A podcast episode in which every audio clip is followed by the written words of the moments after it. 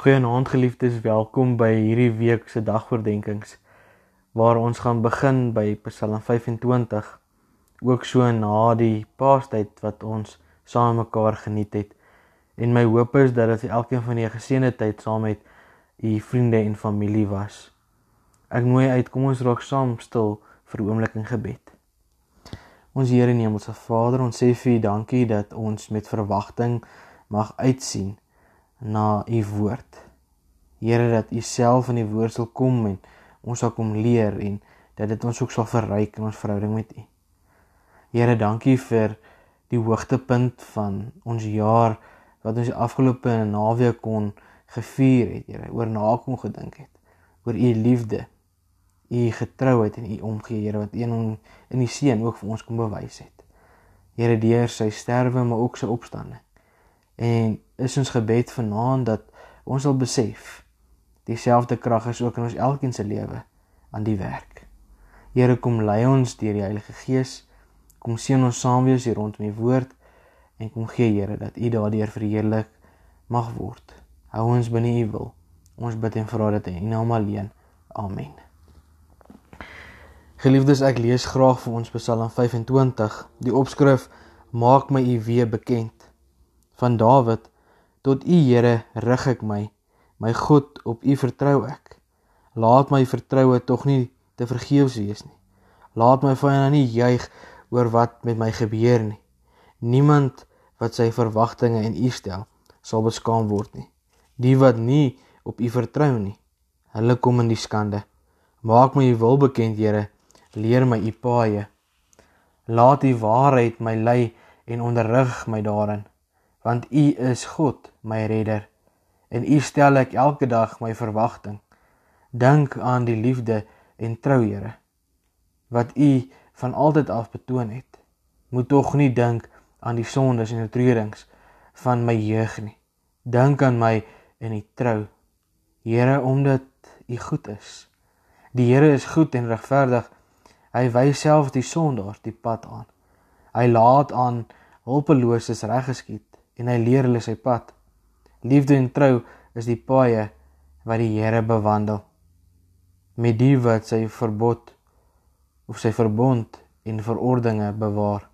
Ter wille van sy naam, Here, ver, vergewe my my sondes, want dit is groot. As iemand die Here dien, leer hy hom watter pad hy moet kies, sodat hy voorspoed sal geniet en sy nageslag die land sal bly bewoon. Die Here neem die wat hom dien in sy vertroue en maak sy verbond aan hulle bekend. My oë is altyd op die Here gerig, want dit is hy wat my voete uit die vangnet sal hou. sien my in genade aan, Here, want ek is eensaam en verstote. Ek verkeer in die allergrootste nood. Bevry my tog uit my ellende. Kyk hoe sleg gaan dit met my en hoe swaar kry ek. Vergewe tog al my sondes. Kyk hoe baie vyande het ek en hoe vel haat hulle my. Beskerm my en red my. Laat my nie beskaamd staan nie, want by U skuil ek. Laat onskuld en opregtheid oor my die wag hou, want op U vertrou ek. O God, red Israel uit al sy nood. Ons lees tot sover. Geliefdes, as ons kyk na Psalm 25, dan kan ons sê God neem die wat hom vertrou in vertroue. Dit is die belofte van Dawid om die pad wat hy gekies het en tyd met integriteit en opregtheid te kan loop. Al is dit nie maklik nie. Ons dink terug aan Psalm 1 waar daar gesê word die regverdiges en die onregverdig is en dat ons ons by die regverdiges moet laat bly. Dit is waar die integriteit en die opregtheid neerkom waaraan Dawid wil vashou. En daarom is hierdie pad nie so maklik nie. Hy weet dit is onmoontlik om die pad te loop sonder God en sonder dat hy in alles betrokke is by 'n mens se lewe. Ons hoor dit in die eerste 15 verse van ons Psalm wat ons aangelees het. Die belangrikste boodskap van hierdie Psalm kry ons in vers 1 en 2. Die basis van die geestelike lewe word in vertroue gevind. Dawid gaan na God in die vertroue dat God hom nie in die steek sal laat nie. Dit is immers die ervaring van almal wat hulle verwagting in God gestel het dat God die moeite werd is om te vertrou. Elkeen het die hoop daarop om te sê ons plaas ons vertroue in God want dit is vir ons die moeite werd om dit te doen. Dawid kom maak ook daarop staat. Sy verwagting is dat God hom in die eerste plek sy wil sal leer en die tweede nie sy sonde teen hom sal hou nie. Ek dink dit kom raak elkeen van ons dat ons God se wil wil leer ken en dat hy nie die sonde van ons verlede teen ons hou nie. In vers 4 tot 5a brei bietjie uit oor die gewilligheid om deur God onderrig te word. En dan weer in vers 5b tot 7 oor sy afhanklikheid van God se goedheid. Hy's gewillig om deur God onderrig te word. Maar op die einde van die dag hierdie afhanklikheid van God se goedheid sluit ook aan by God se vergifnis. Die twee eienskappe wat vanuit hierdie vertroue na vore kom is 'n leerbaarheid en 'n afhanklikheid. Dit beteken dat dit eintlik net die Here self is wat jou kan leer wat jy moet weet. Maar dat dit by hom is waar jy die waarheid gaan kry. Dawid kom skryf hier oor sy ervarings van God en dan sê hy dat God se liefde en trou bewys aan die wat hom vertrou van hom leer en afhanklik is van hom hulle hele lewe. Ons hoor in ons gedeelte wat ons saam gelees het dat hy self die sondaars wat nie op hom gefokus is nie leer en lei op die pad wat hy wil hê hulle moet stap. Dit laat vir Dawid ook verder gaan om sy skuld te bely in die verwagting dat God hom sy wees sal aanhou leer. Hy verwag dat God hom in sy vertroue sal neem. En dit kan wees omdat hy sy verhouding met God wil regmaak. Dat God sy verbond ook aan hom sal kom bekend maak sodat hy blaamloos sonder skuld saam met God die pad kan stap. As ons vir oomblik dink aan die Nuwe Testament, dan dink ons dit aan daar waar Jesus aan sy disippels gesê het dat hulle nou sy vriende is en dat hy aan hulle alles bekend gemaak het wat die Vader ook vir hom gesê het.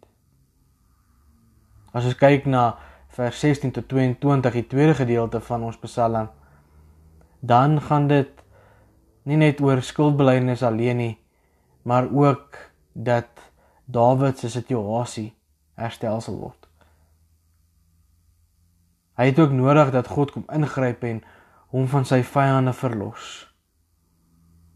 En dan is die toppunt van hierdie hele gebed wat Dawid tot die Here kom bid dat hy vra dat onskuld wat ook met integriteit vertaal kan word en opregtheid oor hom die wag sal hou want hy vertrou op God.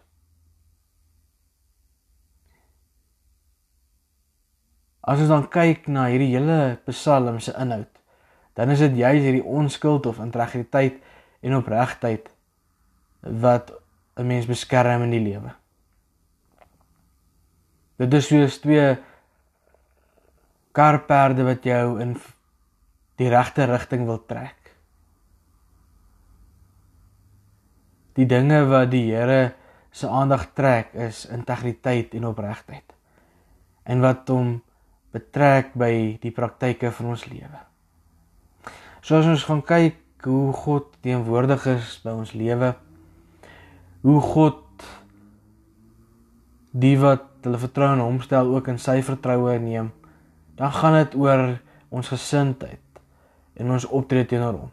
En dan moet dit wees met integriteit en opregtheid.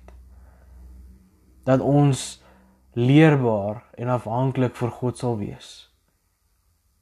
En dat ons nie sal volhard in die sonde nie, maar sal wegdoen met die sonde en sal uitsien na 'n nuwe lewe in God.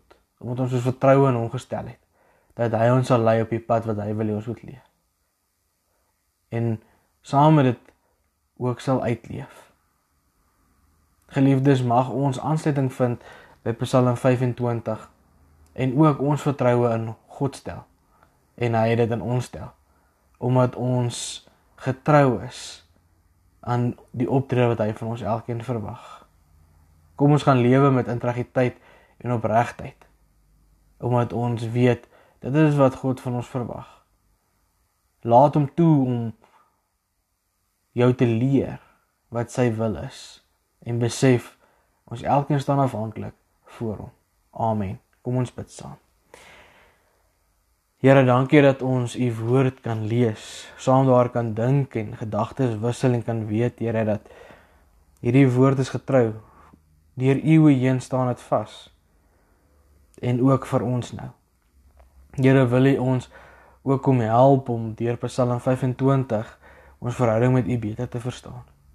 Here dat ons dit wat in die verlede verkeerd gegaan het sal kom bely en kom regmaak by U en dat ons 'n leerbare gees sal hê. Dat ons ons afhanklikheid vir U sal erken en dat ons op so 'n manier sal lewe dat ons lewe gekenmerk sal word deur integriteit en opregtheid. Omdat ons begin het met vertroue in U. Die Here kom maak dit vir ons elkeen waar. Kom skryf dit in ons harte. Kom skryf dit in ons gedagtes dat dit 'n vaste plek sal hê en dat ons daarvolgens sal lewe. Dankie vir u hand oor ons elkeen se lewe. Here kom wees by ons in die aand wat voorlê. Kom beskerm bewaar ons. En kom hou ons veilig as dit u wil is. Ons dankie vir u liefde en u genade wat ons uit oorvloed uit in u hand ook ontvang. Amen. Mag jy 'n geseënde aand hê. Groete.